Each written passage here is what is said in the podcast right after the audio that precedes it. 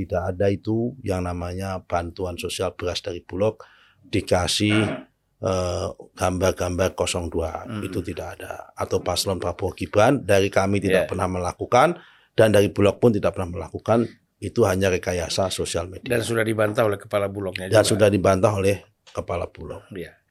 Ya namanya kampanye pasti ada gesekan-gesekan dikit Iya, di iya, masyarakat. Kalau kami sebagai TKN ditanya baiknya bagaimana? Baiknya kami menyarankan supaya Pak Jokowi tidak kampanye. Tapi lagi-lagi adalah itu haknya beliau.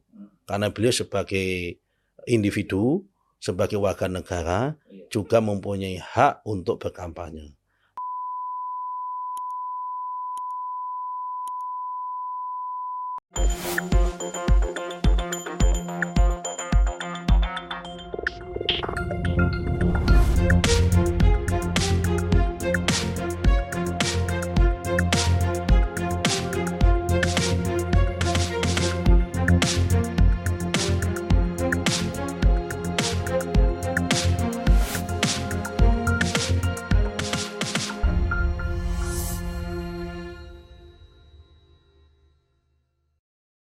Bismillahirrahmanirrahim. Assalamualaikum warahmatullahi wabarakatuh. Waalaikumsalam warahmatullahi wabarakatuh. Apa kabar? Salam sejahtera buat kita semua. Salam juga. Apa kabar Bang Julfan? Alhamdulillah. lama tidak Hah? lama tidak bersua. Iya, kan kita lihat kesibukannya Gus Nusron ini luar biasa. Ya, lagi tugas. Tugas. Sekre- Sekretaris TKN. Ya, Waduh, luar biasa. Tiap hari harus menjawab persoalan-persoalan yang muncul di permukaan ya. ya, Ya, saya nonton terus ya. siap. Jadi ya itu memang sudah tugas dan tanggung jawab. Tugas dan tanggung jawab yang harus kita lalui. Ya. Nah, eh, ini kan sekarang pasti sudah diantisipasi lah ya, Ya. oleh TKN, oleh eh, tim besar dan tim kecilnya Ya, 02, ya, serangan-serangan bertubi-tubi kan dari berbagai macam ya, ya, kecurigaan-kecurigaan muncul. ya, Nah, jadi sekarang ini kan seolah-olah eh, kita bicara bansos nih. Kita berangkat Oh, dari sini. oke. Oke. Jadi bansos ini dianggap oleh banyak pihak, ya nggak banyak juga sih beberapa lah ya, dianggap bahwa ini dalam rangka untuk mendongkrak atau mendukung eh, capres 02, Oke. Mas Prabowo. Oke, Walaupun kita tahu ini program yang berkelanjutan sejak lama ya, oke. Nah, tapi mungkin pasti bisa dijelaskan oleh Mas Suk- apa Gus Oke. ini. Baik. Saya mulai dari yang hulunya dulu. Hmm. Penetapan jadwal pemilu itu sudah dua tahun atau satu setengah tahun yang lalu. Ya, Maka ketemulah tanggal 14 Februari tahun 2024. Itu sudah keputusan dua tahun yang lalu. ya, Pada saat tanggal itu diputuskan, tidak ada manusia di Indonesia yang memperkirakan bakal ada El Nino. Hmm. Karena El Nino ini fenomena dunia. iya, iya. Nah, kemudian pada tahun 2023 terjadi El Nino. Hmm. Nah, ketika terjadi El Nino, maka eh, semua petani di Indonesia produktivitasnya menurun Hmm. karena dampak air.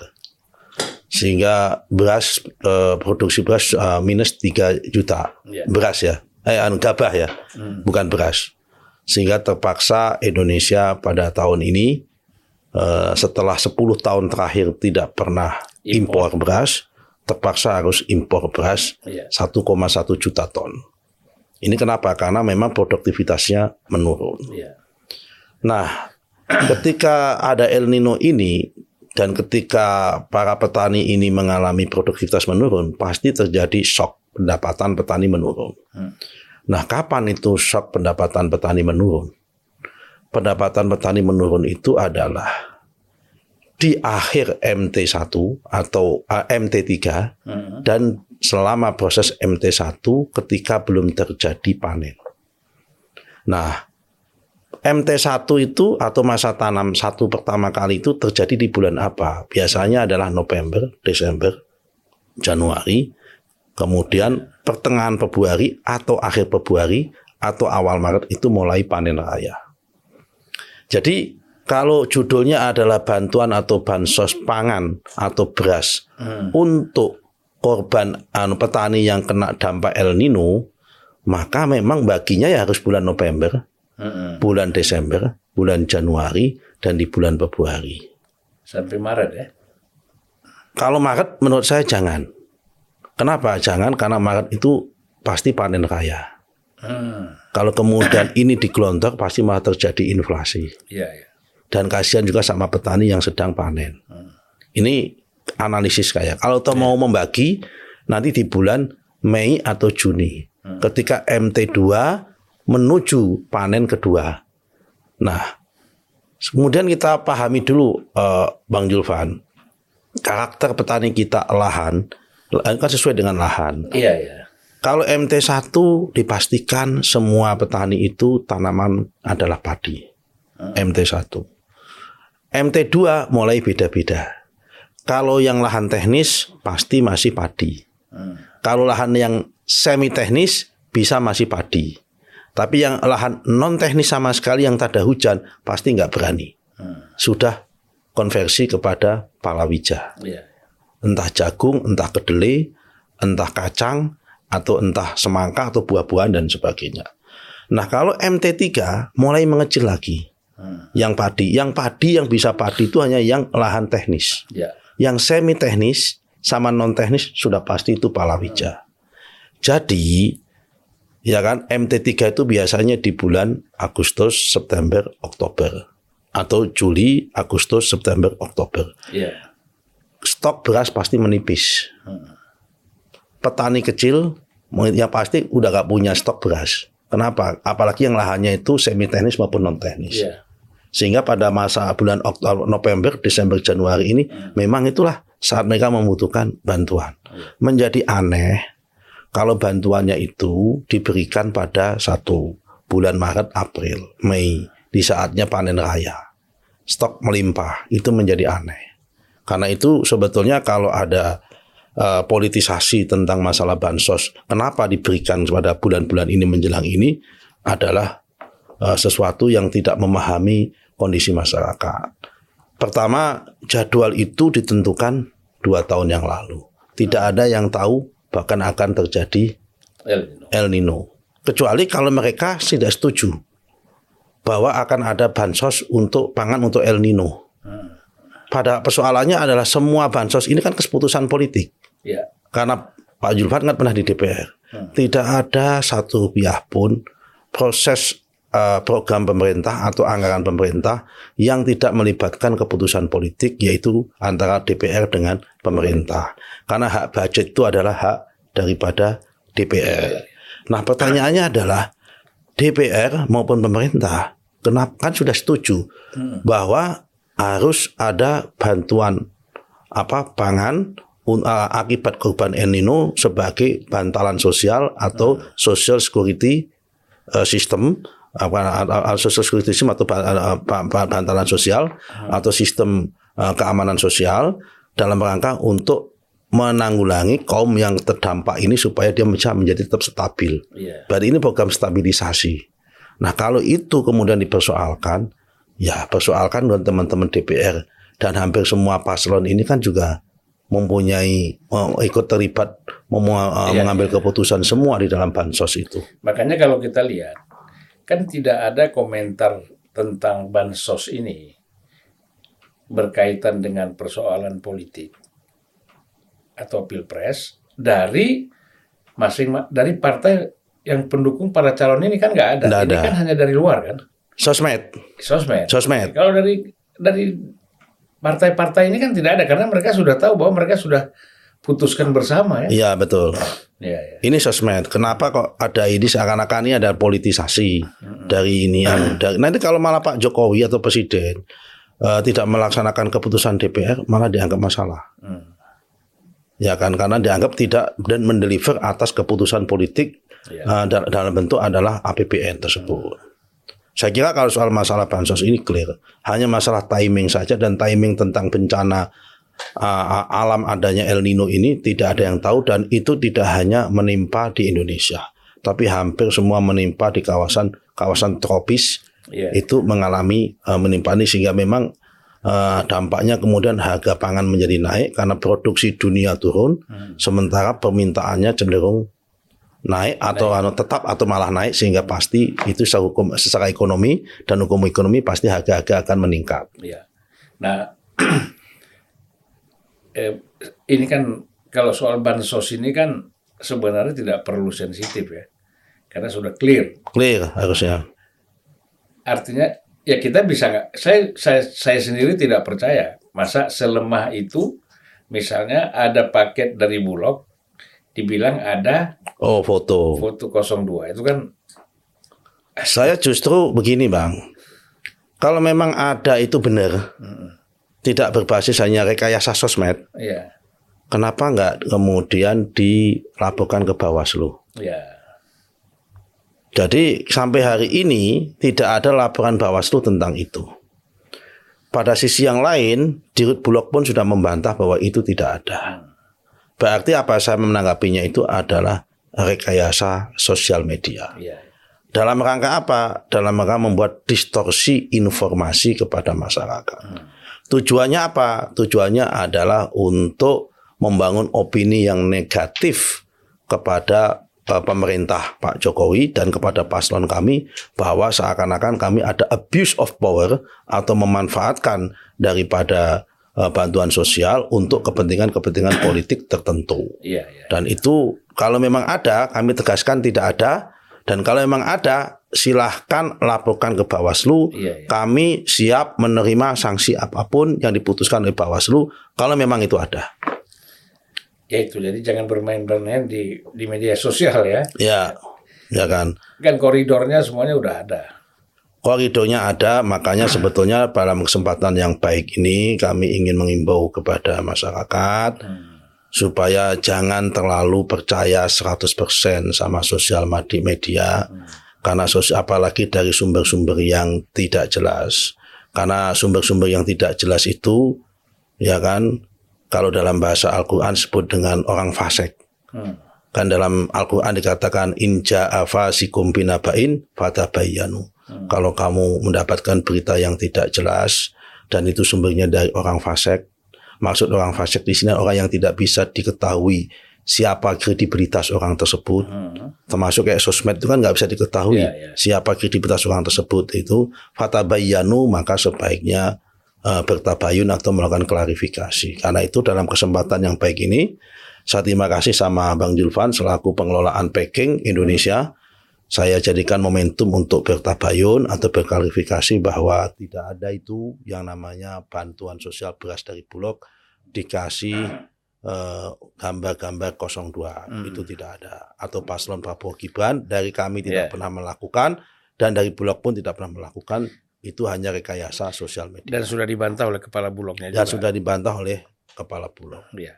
dan tidak sebodoh itu lah saya kira ya Saya kira tidak sebodoh itu. iya nggak sebodoh itu eh, riskan itu kalau bermain-main seperti itu Eh, sangat riskan. juga yang perlu dijelaskan barangkali ya eh, soal gaji ASN nih Mm-mm. ini kan baru naik nih jelang jelang pilpres ini Oke. nah ini ya mungkin ini juga termasuk yang sudah diputuskan bersama DPR saya. Lagi-lagi sama. Nah, Proses pembahasan APBN tentang kenaikan gaji itu dimulai pada bulan April. Hmm. Yaitu tentang pembicaraan eh, ketika pagu eh, indikatif hmm, atau rencana pagu. hmm, Pemerintah mengajukan itu kepada DPR. iya kemudian dibahas. Ketika dibahas menjadi pagu indikatif. hmm, Pagu indikatif itu biasanya disampaikan oleh Menteri Keuangan hmm, pertama kali pada tanggal 20 Mei. Setiap tanggal 20 Mei itu ada penyampaian pidato yang disebut dengan pagu indikatif. Dari pagu indikatif itu disampaikan di situ untuk dibahas. Ya. Salah satunya adalah tentang program termasuk kenaikan gaji. hmm. Kemudian dari pagu indikatif itu kemudian ditetapkan dijadikan menjadi pagu beneran ya kan, itu pada tanggal eh, 15 Agustus. Ketika pidato Presiden tanggal 16 Agustus. Iya.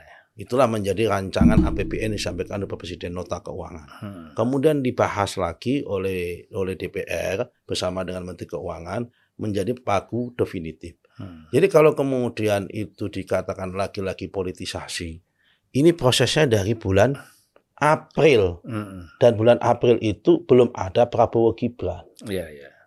Yang ada pada bulan April itu yang sudah ada adalah Ganjar Hmm. yang sudah mendeklarasi Anies sudah. Anies sudah. Ganjar sudah kan tanggal 21 April. Iya, iya. Nah, jadi, jadi ini Prabowo masih belum apa-apa waktu itu. Hmm. Masih sama Muhaimin rencana waktu itu. Iya.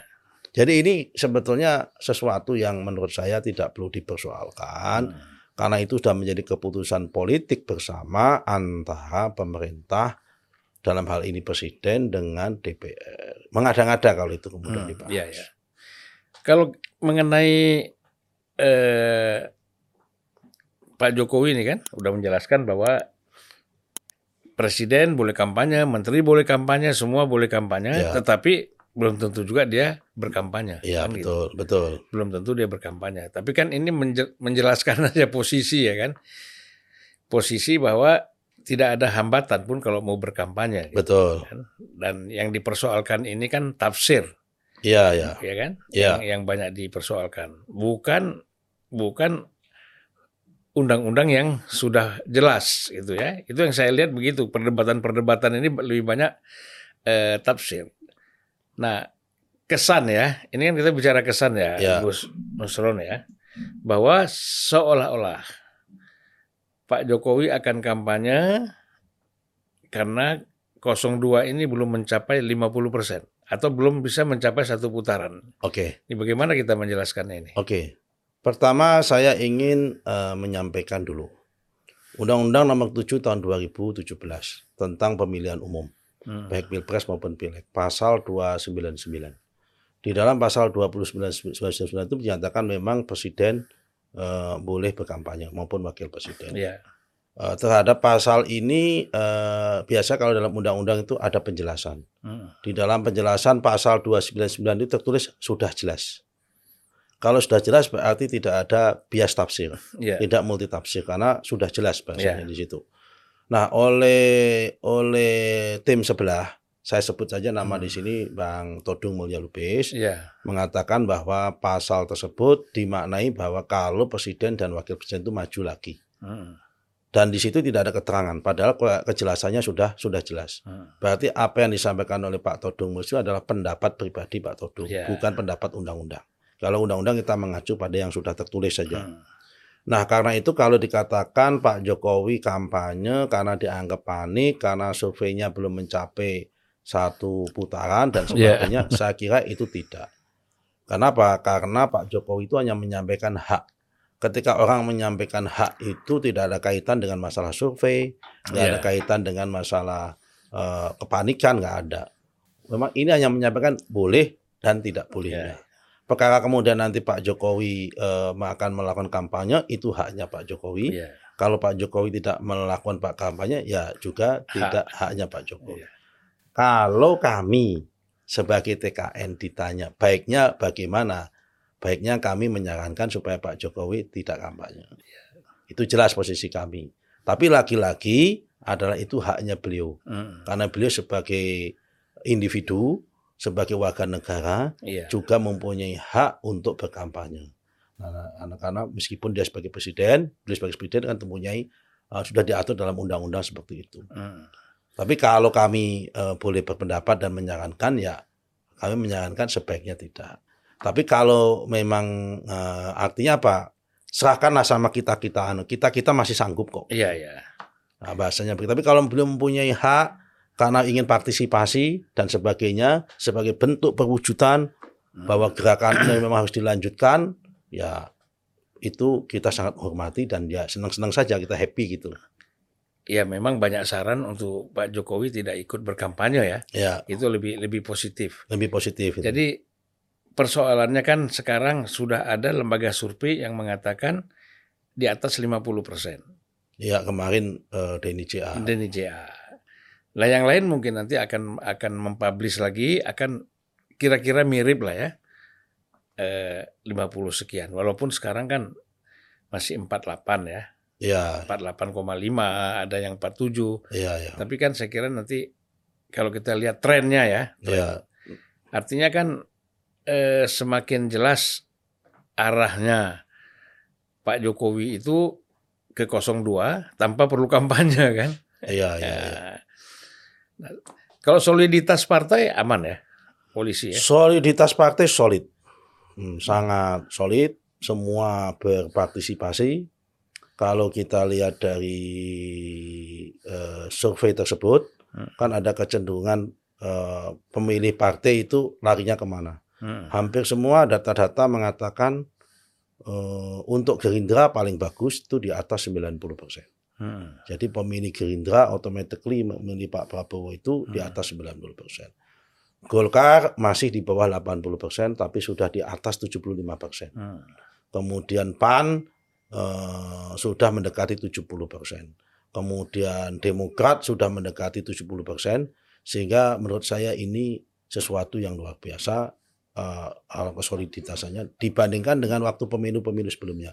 Saya menjadi tim ini kan sudah dua tiga kali pilpres. Pada Hmm. tahun 2014 pemilih PKB saja, Hmm. pemilih PKB yang memilih Pak Jokowi itu nggak nyampe 60 persen, Hmm. hanya 55 persen.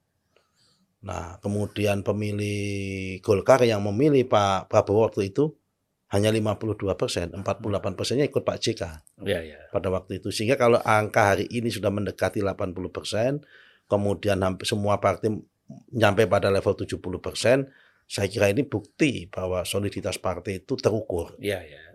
Tidak merasa dirugikan lah. Tidak merasa Ah, dirugikan ya. dengan Jadi- dengan keputusan politik. ini. Ya. Jadi memang kita lihat kan kalau kita lihat Pak SBY ya, kemudian hampir semua pimpinan-pimpinan partai ini happy ya. happy, happy. Malah di beberapa daerah tertentu ya, terutama Golkar ya, Mm-mm. kami merasa mendapatkan kotel efek, Ya. terutama di Jawa Tengah. Mm.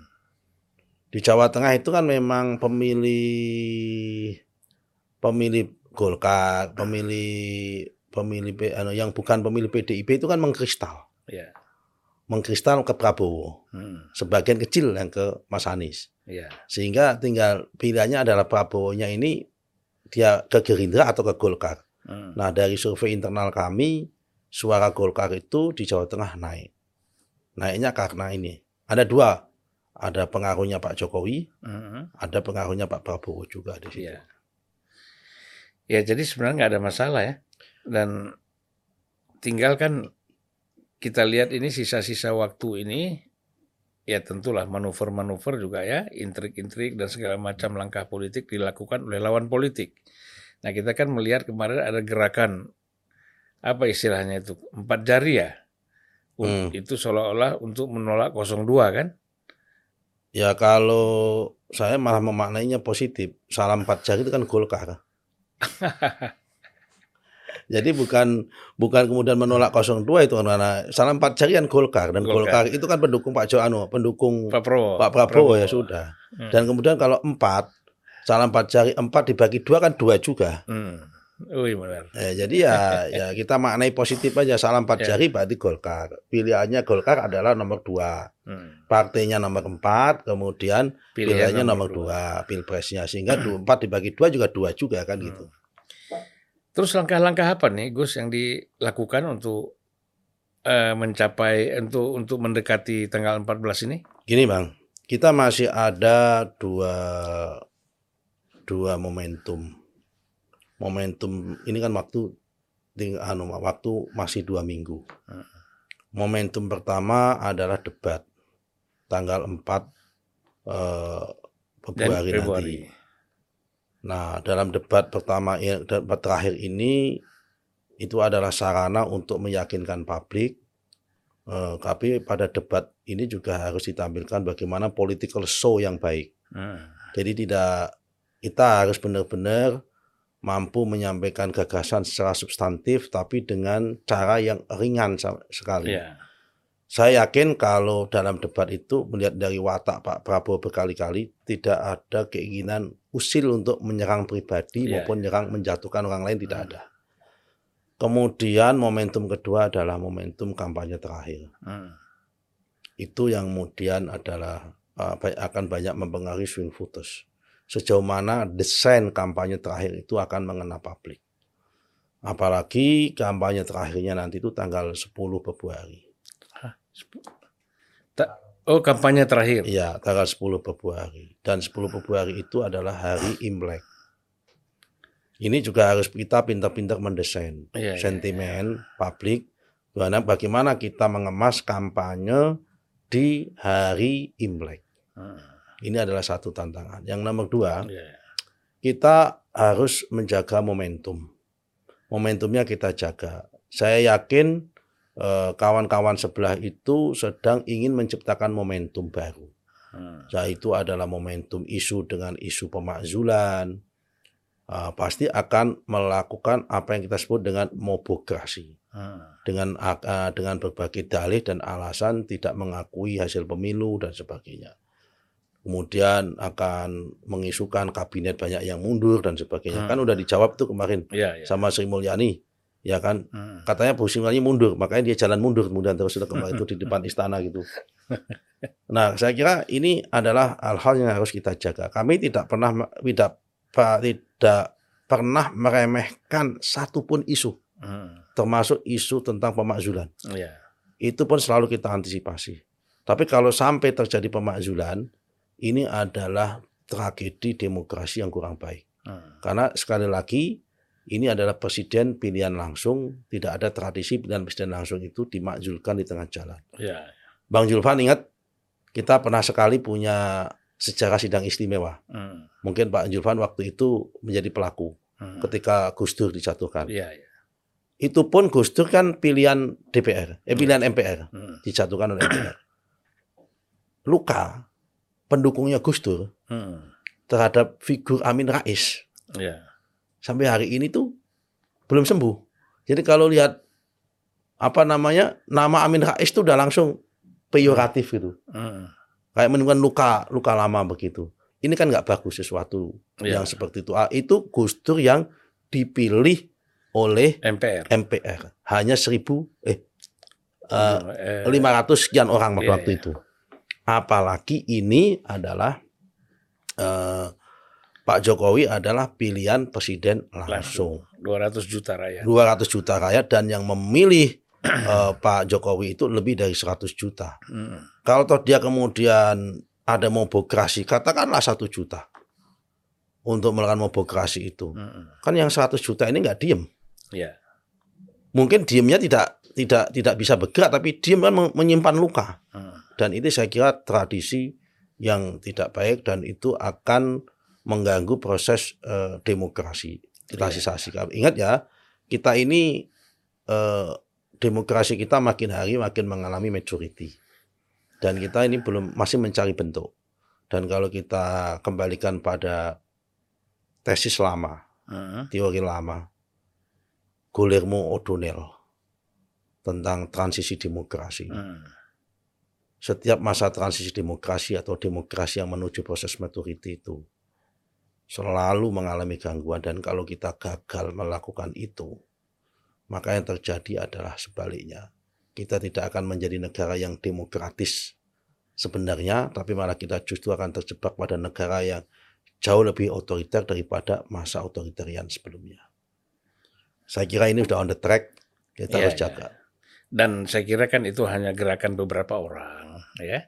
Artinya memang eh, eh, sudah banyak dibahas juga Iya, ya, iya. bahwa gerakan-gerakan seperti ini kan agak sedikit sporadis ya. ya Ya, karena kan pendekatannya itu bukan pendekatan politik dalam pengertian ingin melakukan perbaikan. ya Nah, ini kan emosional aja. Saya memaknai bisa dua itu. Pertama bentuk ketidak eh, kepercayaan sama eh, pemerintah, Hmm. kampanye untuk tidak percaya sama pemerintah. Yang kedua, makna kedua adalah bentuk ketidakpercayaan terhadap pemilu. Dan sesungguhnya orang yang tidak percaya terhadap pemilu adalah orang yang selama ini dan tidak siap kalah di dalam Hmm. pemilu tapi masih ingin berkuasa. Ya. Jadi sesungguhnya gerakan ini bisa makna yang kedua adalah orang yang ingin merebut kekuasaan tanpa proses pemilu. Atau orang yang Ya. masih ingin berkuasa tanpa proses pemilu. Nah, itu yang bahaya ini sebetulnya karena kekuasaan di negara modern dan sistem republikan seperti Indonesia ini satu-satunya sirkulasi Hmm. kepemimpinan yang terbaik adalah pemilu. Ya tapi kan cara-cara seperti ini nggak mungkin berhasil lah ya. Saya kira enggak. Nggak bakal berhasil. Karena cara-cara seperti ini, ini kan memang tidak mendapat dukungan rakyat ya. Bakal. Nggak bisa lah. Tapi ya itu hak orang ya untuk melakukan apa Sepanjang saja. masih opini itu dananya wacana dan pidato sih itu hak. Hmm, Tapi kalau sudah melakukan gerakan massa Iya, iya. yang mengarah pada itu, itu bisa jadi masalah. Hmm. Ini kampanye terakhir nanti 10, 10 Februari hari 10 Sabtu. Februari. Katanya Pak Jokowi mau hadir ya. Sampai hari ini kita belum mendapatkan konfirmasi. Hmm. Sebagai tim kami belum dapat konfirmasi. Dan dan itu bareng ya di Jakarta sama Paslon 01 ya. Ya di Jakarta sama Paslon 01. Hmm. Yang kemarin kita lihat di Cirebon ya. Cirebon itu waktu Ganjar itu acara dengan apa eh, slang ya. Hmm. Itu agak terjadi kericuhan itu. Ya, Nah, ini- ini- saya saya tidak tahu ya, Pak ya. Mm-mm. Saya saya tidak mengikuti eh, ini tapi saya dapat laporan ya memang ya namanya kampanye pasti ada gesekan-gesekan dikit Iya, di iya, masyarakat, Hmm. problem knalpot, problem ini Hmm. gitu kan, membuat kebisingan orang jadi nggak nyaman kan Iya, banyak iya. sekali. Tapi kami sudah menghimbau kepada teman-teman yang akan berangkat kampanye di kita supaya tidak menggunakan sepeda motor dengan knalpot blong Hmm. karena itu pasti akan mengganggu kenyamanan. Selain Iya, itu iya. juga dilarang undang-undang lalu lintas. Ya pasti jadi apa memancing eh, keributan ya. Memancing Dan- keributan. Saya kira selama sudah diantisipasi dengan dengan baik, pastilah persoalan-persoalan kerusuhannya itu bisa diatasi. Mm-mm. Apalagi eh apa? Ini kan kadang-kadang diprovokasi oleh beberapa orang yang kemudian menyulut pihak lain itu ikut kan gitu. Iya betul, Nah, betul, apalagi kalau udah diajak naik ke panggung, betul, betul, ya. betul. Nah, diajak naik ke panggung rame-rame, orang ada yang minum kena minuman keras juga. Ya, Nah, itu pengalaman kita sebenarnya bukan hanya persoalan kampanye politik, tapi juga itu terjadi dalam pertandingan bola dan lain-lain. pertandingan bola, konser, pokoknya di mana-mana ada kerumunan pasti akan menciptakan, Iya. menciptakan potensi gesekan itu selalu ada. Apalagi kalau ini potensi gesekannya itu ada semangat kompetisi. Mm-mm. Kalau konser kan tidak ada semangat kompetisi. Ya, ya. Bola ada semangat kompetisi, tapi Hmm. kan tidak sekenceng Pilpres. eh, pilpres itu Iya, kalau iya, iya. kalau ininya sehingga potensi arah untuk itu ada. Kami sedang menunggu ini upaya-upaya dari pihak keamanan karena memang kamp- jadwal kampanye kita itu bersama tanggal Hmm. 10 ya harusnya keamanan itu bijak dan adil. Hmm. Saya yakin keamanan juga bijak dan adil. Ya, ya. Eh, kami sudah mengajukan izin terlebih dahulu. Kita minta waktu antara siang sampai sore, Sore, gitu. ya. Mungkin karena kebijakan itu ya mungkin harus berbagi supaya nggak terjadi mungkin yang sebelah itu diarahkan oleh pihak keamanan biar pagi atau bagaimana gitu supaya itu pun masih menyisakan masalah karena loading orang kalau dalam jumlah besar itu kan tidak Mm-mm. tidak membutuh tidak cepat masih butuh waktu lama juga dan ada Dari- potensi dari pagi bisa ke tempat yang sore kan? iya bisa ketemu Hmm. apa namanya ketemu di jalan kan Iya. Yang repot itu nanti kalau ada orang yang sama ya kan niatnya nonton konser misal habis Hmm. nonton pagi nonton yang sore kan bisa jadi juga gitu Iya, iya. Betul. Ini masalah ada ada konser kan? Iya. Nah, itu mereka bukan nonton kampanye juga, mereka ah. mau lihat konsernya juga Konser. gitu atau yang kedua ada juga bang ya kita juga pernah muda kan hmm, di mana ada keramaian tuh ingin melihat atmosfernya ah, atmosfer di sana kayak apa di sini kayak apa tuh datang dua-duanya kan lihat atmosfernya kayak Iya, gitu. iya. Jadi menjelang debat ini, Ya. ya, nampaknya dari 02 atau Mas Prabowo ini lebih berpikir untuk arah rekonsiliasi ya. Gini, debat kedua ini kan isunya tentang satu pendidikan, kedua kesehatan, ketiga tentang sosial, keempat tenaga Iya. kerja, kelima masalah IT, Ya, informasi teknologi. Jadi kalau bisa disimpulkan ini dunia kesra lah, hmm. ya kan rumpun rumpun di bawah Kemenko kesra lah kira-kira Hmm. ini. Eh di dalam rumpun kesra ini kan kita mempunyai satu eh, mem- mempunyai dua program unggulan yang sudah Ya. kita eh, selling, kita kita jual ke masyarakat Hmm. yaitu yang pertama yang itu sudah tertulis dalam Asta Cita. Yang pertama adalah pemberian makan siang gratis buat semua anak Indonesia yang sekolah, Ya. totalnya 83 juta. Dan eh, eh, ibu-ibu hamil dan susu gratis. Itu adalah salah satu program unggulannya. Kenapa itu semua dilakukan dalam rangka untuk mempersiapkan generasi Indonesia supaya lebih kompetitif, lebih kuat, lebih berdaya saing dan sebagainya. Yang nomor dua, kita ingin membangun sekolah unggulan di setiap satu kabupaten. Hmm. Supaya lebih ada pemerataan sekolah, Ya. terutama sekolah SMA, sehingga eh, tidak harus orang Aceh seperti Bang Julvan dulu, supaya lebih kompetitif itu sekolah SMA-nya ada yang di Jogja, Hmm. ada yang di Jakarta, orang Makassar ada yang sekolahnya di Surabaya, orang Hmm. NTT ada di Surabaya dan sebagainya untuk sekolah SMA-nya. Kalau untuk kuliah kan memang itu pilihan, tapi Hmm. diharapkan kalau bisa ke depan itu untuk sekolah SMA-nya itu biar dia apa di di setiap apa namanya kabupaten itu ada sekolah unggulan yang bagus gitu. Hmm. Itu salah satu programnya di samping eh, ingin membangun rumah sakit rumah sakit rujukan Hmm. karena ini adalah isu-isu yang sangat eh, sangat sangat eh, human kan masalah-masalah isu kesehatan ini. Ada kejutan nggak kira-kira dari Mas Prabowo nanti apa yang kira ingin disampaikan? Saya kira kalau Pak Prabowo itu sulit ya membuat kejutan. Ya. Kenapa? Karena kan Pak Prabowo ini kan sudah debat empat kali. Tahun 2009 sudah pernah debat. Tahun 2014 sudah pernah debat. Tahun Hmm. 2019 pernah debat. Dan sekarang debat empat kali. Mungkin kejutannya hanya satu. Lebih banyak tertawa daripada sebelum-sebelumnya. Iya, iya, iya. Ya memang harus dibuat tertawa. Iya, ya. gitu. Kenapa kita mesti... Iya gitu. Nah, Karena masalahnya udah jelas kan? Sudah jelas Tadi kan masalahnya. bicara kestra, bicara Iya. semuanya udah jelas. Tinggal sekarang mengimplementasikannya seperti apa. Saya kira itu aja yang perlu Iya, betul. dipikirkan ya. Nah, Su- suka tidak suka ya Bang Julvan? Dari enam orang ini, tiga paslon enam orang ini, bintang pemilu kita kali ini Samsul. hmm, Suka tidak suka? iya iya iya. Bagaimana anak muda yang semula dicemooh, Diremehkan. diremehkan, dianggap belimbing sayur, Hmm, dianggap tidak bisa apa-apa. Dia tampil karena proteksi orang tua sama pamannya begitu misal. hmm. dengan isu-isu yang negatif lah. Tiba-tiba debat tampil mengejutkan dan Iya, bagus sekali. Dua kali debatnya menurut saya secara secara konten Iya. exactly itu saya menurut saya iya, iya. ini Lepas dari gimmick ya.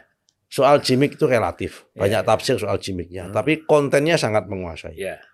Nah untuk ukuran anak semuda itu saya yang anggota DPR 20 tahun aja Hmm.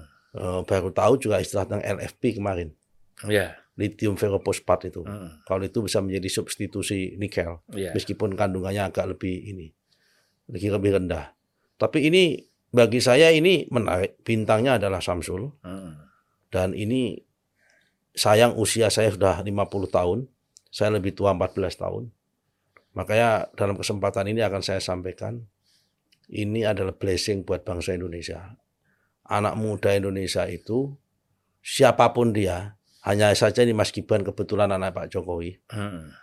Kami tidak mencoba untuk mereka tidak melihat karena dia anaknya Pak Jokowi. Tapi siapa pun anak muda Indonesia itu selama dikasih kesempatan tidak boleh kita remehkan. Iya, iya. Dan ternyata bisa dan mungkin lebih baik daripada generasi kita. Mungkin ya memang susunya lebih baik pada zaman daripada zaman Hmm. kita. Asupannya lebih. Asupannya lebih Iya. baik daripada zaman kita mungkin. Harus diakui Iya, iya. ya kan penguasaannya. Usia 36 tahun udah bisa memimpin wali kota. Hmm. Kotanya rapi kita saya lihat. Lepas dari persoalan bahwa dia anaknya Pak Jokowi. Heeh. Banyak sekali anak-anak presiden pada masa sebelumnya di usia segitu belum pernah jadi wali kota Heeh. atau min- minimal nggak berani atau dalam tanda petik menikmati hidup Iya. tapi ini anak tidak ada cita-cita menikmati hidup tapi sudah mengabdikan diri untuk kepentingan bersama ini laki-laki adalah pelajaran buat kita semua buat bangsa Indonesia bahwa anak muda itu kalau dikasih kesempatan memang Iya, iya. bisa karena itu Pak Prabowo dan Mas Gibran sudah bertekad pada masa yang akan datang pada pemerintah yang mendatang akan lebih banyak melibatkan anak-anak muda Betul. Dan sekarang kan bupati wali kota banyak sekali tuh di bawah banyak sekali di bawah 40 kan? banyak sekali Hmm. Ya. Nah, itu mungkin bisa di di bisa, apa? bisa di engagement Hmm. untuk menjadi pemimpin ke depan. Semakin banyak calon pemimpin kan semakin bagus. semakin bagus Iya kan? kita makin banyak alternatif Iya. Soal nanti yang terpilih siapa itu persoalan lain gitu ya. Nah, jadi eh kita minta closing statement dari Ah, eh Gus Nusron. baik saya terima kasih pada Pak Julvan ini kesempatan yang baik Eh, pemilu sebentar lagi tinggal beberapa hari lagi kita harus memberikan kasih suara Hmm. tanggal 14 Februari adalah hari kasih suara kalau yang lain menganggap itu hari kasih cinta Hmm. maka kami mengharapkan tanggal 14 Februari sebagai hari kasih suara. Gunakan hak pilih kita secara objektif, secara adil, secara jujur. Mari kita bersama-sama sukseskan pemilu ini Iya, iya. eh, dengan lancar, dengan damai. Dan kami berdoa dan mohon doa restu semoga pemilu kali ini pada tanggal 14 Februari itu cukup sekali dilaksanakan satu putaran saja sudah bisa melahirkan pemimpin Hmm. yaitu Pak Prabowo dan Mas Gibran bisa menang menjadi presiden Republik Indonesia dan itu kalau terjadi alhamdulillah negara bisa hemat Hmm. sebanyak 27 triliun, Ya. 17 triliun untuk biaya KPU dan 10 triliun untuk biaya keamanan. Mari kita lakukan bersama-sama. Dan yang kedua kalau pemilu bisa satu putaran karena pada bulan depan Hmm. kita sudah memasuki bulan puasa. Ya, ya. ya. Dan kalau kita bulan puasa, kita supaya beribadah puasa secara khusyuk, tidak ada gangguan uh, sosmed copras capres, Hmm. sehingga kita bisa puasa dengan tenang, dengan khusyuk, munajat sama Allah, sholat tahajud, sholat taraweh, qiyamul lail, dan baca Al-Quran dengan tenang, tidak terganggu dengan suasana copras capres. Saya kira itu terima kasih. Saya mengucapkan terima kasih sekali. Mari kita gunakan hak pilih kita untuk memberikan kesempatan kepada anak bangsa, terutama anak-anak muda Indonesia. Assalamualaikum warahmatullahi wabarakatuh. Waalaikumsalam warahmatullahi wabarakatuh.